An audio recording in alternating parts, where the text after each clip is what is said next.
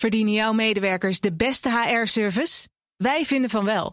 Numbers combineert payroll met slimme HR-features. Bespaar kosten en geef medewerkers eenvoudig toegang tot verlof, declaraties en loonstroken. Probeer Numbers op nmbrs.nl. Drie over half vijf is een heel goede middag. Ja, als het aan eh, minister De Jonge ligt... dan moet iedereen die dat wil voor 1 juli een prik hebben gehad. Ja, maar daarvoor moeten die vaccins natuurlijk wel allemaal geleverd worden, geproduceerd zijn. Grote vraag is, hoe gaat het daarmee? Nou, sinds zes weken hebben we een Nederlandse vaccin taskforce. En, en die let daarop, hè, wordt er voldoende geproduceerd. Een special envoy vaccins is Hans Giekan. Hij is het hoofd van de taskforce. En hij is bij ons. Hans, goedemiddag. Goedemiddag. En we hebben afgesproken elkaar te tutoyeren. Prima. Dus we gaan je en jij zeggen. Ja, ik vroeg me af, Hans. eh, We, we mochten niet zeggen, begreep ik van eh, de redacteur die uitgebreid met je voorgesproken heeft. Een vaccinatie gezant, wat lekker makkelijk is. Eh, nee, het is Special Envoy Vaccins. En dan vroeg ik me af. Stel, je bent op een verjaardag, je weet nog wel, zoals vroeger, dat je met elkaar in de kring Oh, zit. dat is al een tijd geleden, hoor. Wat was dat? Wat zou jij dan zeggen dat je doet? Ja, ik ben daar inderdaad heel concreet en consistent in ook... dat het inderdaad special envoy vaccins is. Dat heeft alles te maken met de eerste opdracht. Namelijk om te kijken of er een mogelijkheid was... om vaccins eerder naar Nederland, eerder naar Europa te halen. Productiecapaciteit opschalen, vaccins vanuit het buitenland halen. En dat heeft duidelijk een Europese component, special envoy. Maar het Ja. gaat ook over Nederlandse vaccins, dus vandaar de combinatie. Oké, en nou in het kort? Iemand die gaat proberen om meer vaccins eerder naar Nederland te halen. Is het een beetje gelukt al? Het korte antwoord erop daar, nee, het was niet mogelijk. Nee? dat was niet mogelijk. Nee, we hebben En kwam wel. je daar heel snel achter ook al? Ja, relatief wel snel. We hebben met alle vaccinfabrikanten zo'n beetje gesproken. En daar kwam al heel snel naar voren dat het heel snel opschalen, binnen enkele weken leveren van meer vaccins, eigenlijk een onmogelijkheid was. Maar we vonden ook als een soort bijvangst wel een aantal andere interessante dingen. Dus wat dat betreft, eh, snelle vaccins krijgen, dat was in februari nu, Ja. ging niet, maar wel een aantal andere interessante zaken gevonden. Ja, maar dat klinkt als het waren twee fantastische dagen. Eh, dat waren vier zeer hectische weken. en ik heb ook vaak tegen vrienden gezegd, via calls... ik heb nog nooit zo hard gewerkt in mijn leven. En dan ben ik, ik ben CEO geweest van een biotechbedrijf... maar ik heb nog nooit zo hard gewerkt als in die vier weken. Mhm. En waar zat dat dan in? Nou, we hadden echt back-to-back calls met eh, vaccinfabrikanten, met toeleveranciers, met, eh, met partijen die er ook maar iets mee te maken hebben, die er iets over zouden kunnen zeggen. We hebben in een periode van vier weken hebben we zo'n 120 mensen gesproken. Ik was ook hees na drie weken, ik kon bijna niet meer spreken. Nog een beetje zo te horen. Ja, maar, maar even voor mij, is, het- waarom is het niet gelukt om eh, die productie op te hogen? Wat is er moeilijk aan? Nou, dat, dat gebeurt ook. Hè. Het, Ja. het, het ophogen en opschalen van de productie gebeurt as we speak. Maar de verwachting dat je bijvoorbeeld binnen enkele weken al echt heel veel miljoenen doses meer naar Europa zou kunnen halen, ja, dat blijkt een illusie te zijn. Die, productie, die productieprocessen zijn gigantisch complex. Eh, goederen moeten van over de hele wereld komen, componenten. Er speelde ook nog mee dat sommige landen exportlicenties hadden, of inderdaad gewoon puur een, ja, in dit geval America First policy, waardoor je een aantal dingen niet kunt krijgen. Dus het is allemaal niet zo makkelijk om dat heel snel op te schalen. Want hoeveel zit er dan in één vaccin? Hoeveel componenten zitten er in één? Nou, als je bijvoorbeeld eh, het Pfizer-vaccin neemt, waar heel veel mensen mee geprikt worden, dat, eh, dat bevat bijna 300 verschillende componenten. En die komen uit heel veel verschillende landen, van allerlei verschillende productiefaciliteiten. En als het ergens fout gaat daar, dan loop je vast. Ja. Dus dat is al een probleem. En dan nou, hoor ik dat Amerika dus America First heeft. Dus die zegt, dit, eh, dit, laten we het, dit laten we het land niet verlaten. Stel, ze zouden dat wel doen. Zou dat iets veranderen? Nou, we hebben bijvoorbeeld recent een oproep gezien van de CEO van, het, van de grootste vaccinfabrikant ter wereld, het Serum Institute of India. Eh, die riepen op via Twitter aan eh, president Biden en de Biden administration om vooral inderdaad meer componenten vrij te geven, om ze te laten komen, om de grondstoffen te laten komen. Dat is een heel belangrijk gebeuren. Er moet vrij verkeer van die goederen zijn. Dus als Amerika die drempel weg zou halen... dan zou de productie wereldwijd opgehoogd kunnen worden? dan had het in die beginfase wel wat geschil, denk ik. Kijk, kijk, nu praten we over een ander fenomeen. Hè, want inmiddels is half Amerika gevaccineerd. Nu begint Amerika ook inderdaad vaccins te exporteren. Ze beginnen niet zo heel veel, hè, 50 miljoen of de zo. vaccinpolitiek is begonnen, laat ik het zo formuleren.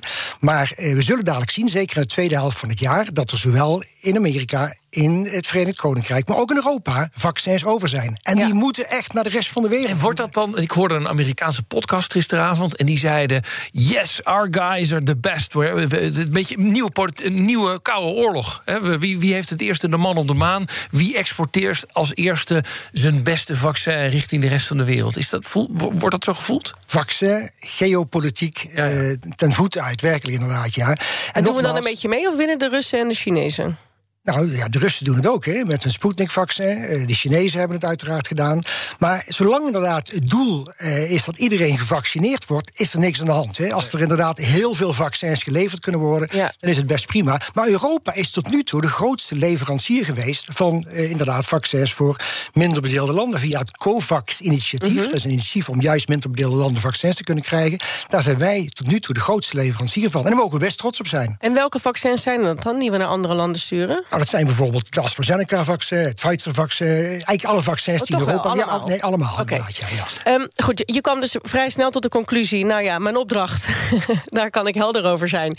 He, die productiecapaciteit die kunnen we niet vergroten.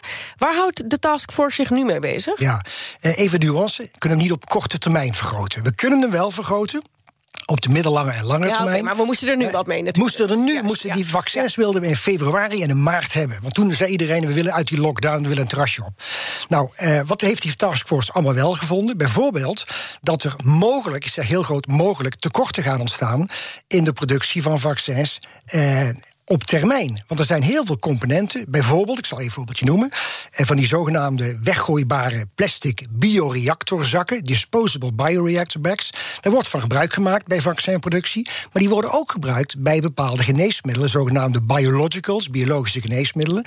En op het moment dat daar een wereldwijde gigantische stijging van de vraag is, zou het best wel eens kunnen dat straks die zakken ook inderdaad gaan ontberen bij de productie van geneesmiddelen die er ook gebruik van maken. En in, in, kun je een voorbeeld noemen van wanneer zoiets zou kunnen gebeuren? Nou, op het moment dat een, dat een, fabrikant bijvoorbeeld een kankergeneesmiddel maakt, een, een, biological, hè, die in, dat inderdaad gebruik maakt van dat soort zakken. En die fabrikant heeft nu nog voorraad. De mhm. levertijden van die zakken die zijn inmiddels al een jaar opgelopen, een jaar opgelopen, soms zelfs meer. Mhm. Als die dan uit of stok gaat raken, dat hij geen zakken meer heeft, dan zou zo'n productieproces in een. Oké, dus daar is nu nog geen sprake van, maar dat zou kunnen in de toekomst. Dan komt er dus een tekort aan grondstoffen. Mogelijk, ja. En dat heeft te maken met het feit dat we op dit moment, dit jaar, zo'n 11 miljard vaccins alleen maar voor COVID-19 willen gaan maken. Terwijl normaal voor vaccins in het algemeen, voor alle ziektebeelden, eh, zo'n 4 tot 5 miljard gemaakt worden. Dus de vraag is ontzettend gestegen. En wat, wat, wat waren er nog meer bijvangsten die je hebt gevangen? Nou, we hebben bijvoorbeeld ook uh, gezien dat, uh, dat sommige landen uh, toch een, ja, hoe zal ik het zeggen, een, een, een, voorkeur voor bepaalde vaccins hebben. Dat was al relatief snel een proces. Toen zagen we dat in Frankrijk en Duitsland AstraZeneca-vaccins bleven liggen, omdat daar de perceptie bestond dat die vaccins minder goed werkzaam waren. Maar als je kijkt naar het doel wat deze vaccins beogen, namelijk je het uit het ziekenhuis houden of uit de intensive care houden, dan zijn al die vaccins eigenlijk eender. Ja. Dus wat dat betreft was dat een misperceptie. Dat was voor de aan de orde kwamen. Maar zelfs dat. Maar als gevolg daarvan zeiden wij, nou dan gaan we eens even met Frankrijk bellen. Of met Duitsland bellen. Of we misschien die vaccins kunnen krijgen. Of in Denemarken hadden het natuurlijk Denemarken ook, hebben we mee we dat nou een beetje of niet? Nou, dat, dat zijn dus inderdaad zogenaamde vaccine sharing mechanisms. Hè. Ook daar komt dan weer allerlei politiek bij kijken. Maar dat zal nu veel meer gaan spelen. In de tweede helft van het jaar zal dat veel meer gaan spelen. En kunnen wij ze dan kwijt? Want eh, als ik een beetje schoonmoederonderzoek doe, zoals ik dat dan noem... Um, dan hoor ik alleen maar mensen zeggen... ja, maar ik wil helemaal niet dat AstraZeneca... want dat beschermt me helemaal... nou, wat u net zegt, dat beschermt me helemaal niet zo goed. Dus dat dat Pfizer-vaccin zou doen bijvoorbeeld. Ja, dus er is toch iets misgegaan in de communicatie. Ja, dat zei ik niet dat het inderdaad minder goed beschermt, want het beschermt even goed als. Ja, nee, dat zei u dus, maar ik bedoel. Dat zou een perceptie kunnen zijn. Anders, ja. ja, dankjewel. En ik denk dat voorlichting essentieel is. Goede voorlichting. Zijn we niet te laat? Heeft het ministerie van Volksgezondheid daar niet wat steken laten vallen? Achteraf bezien je altijd te laat natuurlijk. Want dingen hadden inderdaad sneller gekund. Van de andere maar ook in de communicatie. Dus, dus de regie houden over het narratief van zoiets. Ja, het is moeilijk voor mij dat beoordelen. Dat is ook de reden waarom ik geen vaccinatiegezant ben. Ik ga niet over vaccinaties. Ik ga over de productiekant van de vaccins. Mhm. Eh, en ook ik heb daar een eigen mening over. Maar uh, nee, ik, ik, denk dat uh, wat dat betreft... dat iedereen zijn uiterste best gedaan heeft... om het allemaal zo soepel mogelijk te laten verlopen. Inclusief de communicatie. Had het beter gekund, altijd. Ja. Ik had begrepen dat um, Nederland als heel klein landje... voor een groot deel verantwoordelijk is van alle kennis die leeft in de farmaceutische industrie. Zo'n beetje zo'n 30% van de vaccinkennis ter wereld Oh ja? komt uit ons land. Ja, dat is machtig toch? Dat is hartstikke mooi. Het Hè? is gewoon lullig dat wij geen, geen grote producent dan zijn. Nou, die hebben, we- hebben we wel. Laten we daarmee beginnen. Janssen is uiteraard Ja. een Nederlandse producent. ja, maar waar En wordt er geproduceerd? In, ja, in Leiden. In Leiden. Maar hoeveel is dat? Nou, hartstikke veel. Nee, serieus, dat is hartstikke eh, veel. Het wordt alleen gebotteld in de VS, geloof ik. Hè? dat, dat is een ander punt. Oh, kijk, ja. kijk, het wordt afgevuld. Ja. Kijk, het wordt afgevuld aan het buitenland via allerlei contract manufacturers en loonfabrikanten. Maar wij maken heel veel vaccins in Nederland. Dat is alleen, alleen maar Janssen. Halix is een belangrijke producent in Leiden die voor het AstraZeneca-vaccin is ingeschakeld. Wakker in Amsterdam maakt voor CureVac, een nog niet geregistreerd vaccin, eh, de vaccins. Beeldhoven Biologicals eh, speelt een belangrijke rol eh, voor het Serum Institute of India. Dat is een volle dochter van die grootste vaccinfabrikant ter wereld. En dat was vroeger het Nederlands Vaccininstituut. En daar kwam al die kennis vandaan. 30% voor de pandemie voor van de COVID-19, 30% van die kennis van al die vaccins kwam uit Nederland. En daar mogen we gigantisch trots op zijn. Ja, hebben we dat wel een beetje laten gaan? De waarheid gebied te zeggen, een beetje wel, ja. Een beetje wel. Maar kunnen we het nog terugpakken? Absoluut ook, ja. Hoe? Nou, we hebben inderdaad nog steeds een Halix en een AstraZeneca-vaccin dat, dat eh, daar gemaakt wordt. We hebben Wakker, we hebben Janssen, we hebben Batavia Biosciences, we hebben Beeldhoven Biologicals. En we hebben voormalige Crucel-mensen. Want Crucel was een echt Nederlands bedrijf, waar ook vaccins op een bepaald moment gemerkt worden. Dus we hebben best een hele goede infrastructuur. Ja, maar dan die mensen dus. Mensen en de Die kennis. moet je dus weer terug zien te halen dan. Nou, die zitten nog steeds in Nederland voor een belangrijk deel hoor. Dus dat, dat kan. Ja, nee, die, en die mensen zijn ook al weer bezig. Dat is een nieuw, eh, nieuwe ster aan het firmament, Leiden Labs. En die werken momenteel ook weer voor het voorkomen van een toekomstige pandemie. Ja. Heb, je, heb je ook enig zicht op de voorraad die er nu is in Nederland? Ja, die is heel beperkt, want het wordt, het wordt allemaal zo snel mogelijk weggeplikt. Dat was even een punt van discussie. Hoeveel voorraad mag er blijven liggen? Maar op dit moment is die uitermate beperkt. We hebben zo'n 8,5 miljoen prikken nu gezet. Dus eh, wat er binnenkomt, gaat er ongeveer bijna meteen uit. Dus Maar goed, betreft, er is gezegd begin juli. Eh, Hugo de Jonge heeft een keer gezegd 1 juli. Daar kwam hij later weer op terug. Maar eh, iedereen die dat wil, boven de 18, kan een prikje hebben gehaald. Voorraadtechnisch zitten we nog steeds op dat pad. Kijk, als je de curves bekijkt van de planning van het aantal geplande prikken en waar we nu staan, dan ontloopt elkaar dat niet veel. Oké. Eh, dus ik denk dat we een hele goede kans hebben om binnen nu en nou, pak een beetje twee, drie maanden iedereen die dat wil gevaccineerd te hebben. Maar dan moet er dus niks misgaan met die leveringen. Want ik hoor net dat we geen voorraad hebben. Ja, en, en dat is een heel belangrijk punt. Want als het even ergens fout gaat, of zo, bijvoorbeeld Emergent, dat is een Amerikaanse eh, loonfabrikant, dan ging het even fout inderdaad, dan kan Janssen minder leveren. Of bij Novavax, een nog niet geregistreerd vaccin, even issues. Kan niet doorkomen. Dus omdat er geen buffers zijn, is elke tegenvaller in een productieproces is meteen merkbaar. Over productie gesproken. Vrij- vrijgeven van patenten. Ik kan me best voorstellen dat als je dat vrijgeeft, dat we meer gaan produceren. Ah Ja, ik kan me dat heel goed voorstellen dat mensen dat denken, inderdaad. Maar laat ik toch eh, aangeven: het zijn complexe processen waarbij niet alleen een octrooi van belang is. De kennis eromheen is van groot belang. De overdracht van die kennis, de componenten die van de hele wereld moeten komen. De mensen die eraan moeten werken en die technologie moeten overdragen. En al die elementen zijn vele malen belangrijker dan het octrooi. Dus als wij echt een deuk in een pakje boter willen slaan. en mensen in minder ontwikkelde landen willen helpen om productie van vaccins op gang te krijgen. dan moet het niet alleen in dat octrooi zitten. Want die, die, die overdracht van zo'n octrooi. dat komt wel op een bepaald moment als de infrastructuur er is. Dus daar moeten we vooral aan werken. Ja. Mensen, componenten en capaciteit. Even kijken naar de toekomst. Krijgen we nou jaarlijks een coronaprikje of niet? Ja, ik ben bang, als ik de experts mag geloven, dat er wel het geval zal zijn dat we inderdaad. Iedereen? Of alleen zoals bij de griepprik? Iedereen, iedereen die dat wil waarschijnlijk, maar de toekomst zal het leren. Eh, het zal de komende maanden moeten gaan blijken. Meer onderzoek wordt er steeds gedaan. Ja. Maar de kans is heel erg groot dat we onze boosters heel regelmatig zullen moeten gaan halen. Jij hem al gehad? Nog geen booster, ik heb mijn eerste prikje gehad. Ja? Ik heb mijn eerste prikje gehad en eh, over twee weken mijn tweede prikje. En welk vaccin heb je gekregen? Nou, dat was een, is, een, is een langer verhaal, als het mag. nee, nee. Eh, mijn schoonmoeder was overleden. Mijn vrouw is Zweedse. Ik zal in Zweden.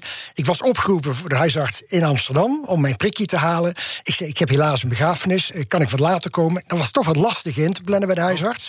En toen zeiden ze van, nou, dan moet je toch maar een keer bellen als je weer terug bent. En dan kom je misschien achteraan in de rij te staan. En toen belde mijn vrouw naar eh, de Zweedse GGD, zeg maar. En ik kon eh, de maandag erop meteen ingespoten worden. Dus je Ja. hebt een Zweeds vaccin in je Ja. arm. Ja, maar dat maakt niet uit. Het komt Nee, allemaal maar uit. heb je wel eh, een QR-code? Dat is nu zo. Nee, nee, dat, dat is de, Ja. dat is- dat is de volgende daar ja. die krijgen. Ja. Die komt dan uit Zweden. Of, en kun je de tweede nou gewoon hier in Nederland krijgen? Nee, die- ik, ik zit dus inderdaad volgende week dan weer in Zweden voor de tweede prik. Ja, ja. Zo internationaal zijn we dus. Zo Europees zijn we dus niet met z'n allen, hè? Dat mag best wel beter, hè? Ja. En wanneer ben je klaar met je werk eigenlijk? Eh, de nou, we hebben gezegd dat deze taskforce ongeveer in drie maanden aan het werk gaat. En dan hopen we een aantal dingen rondom voorkomen, verbinden en voorbereiden opgelost te hebben. Heel mooi, dankjewel. Special Envoy Vaccins. Hans Schiekan was dat, hoofd van de Nederlandse Vaccin Taskforce. Verdienen jouw medewerkers de beste HR-service? Wij vinden van wel. Numbers combineert payroll met slimme HR-features. Bespaar kosten en geef medewerkers eenvoudig toegang tot verlof, declaraties en loonstroken. Probeer Numbers op nmbrs.nl.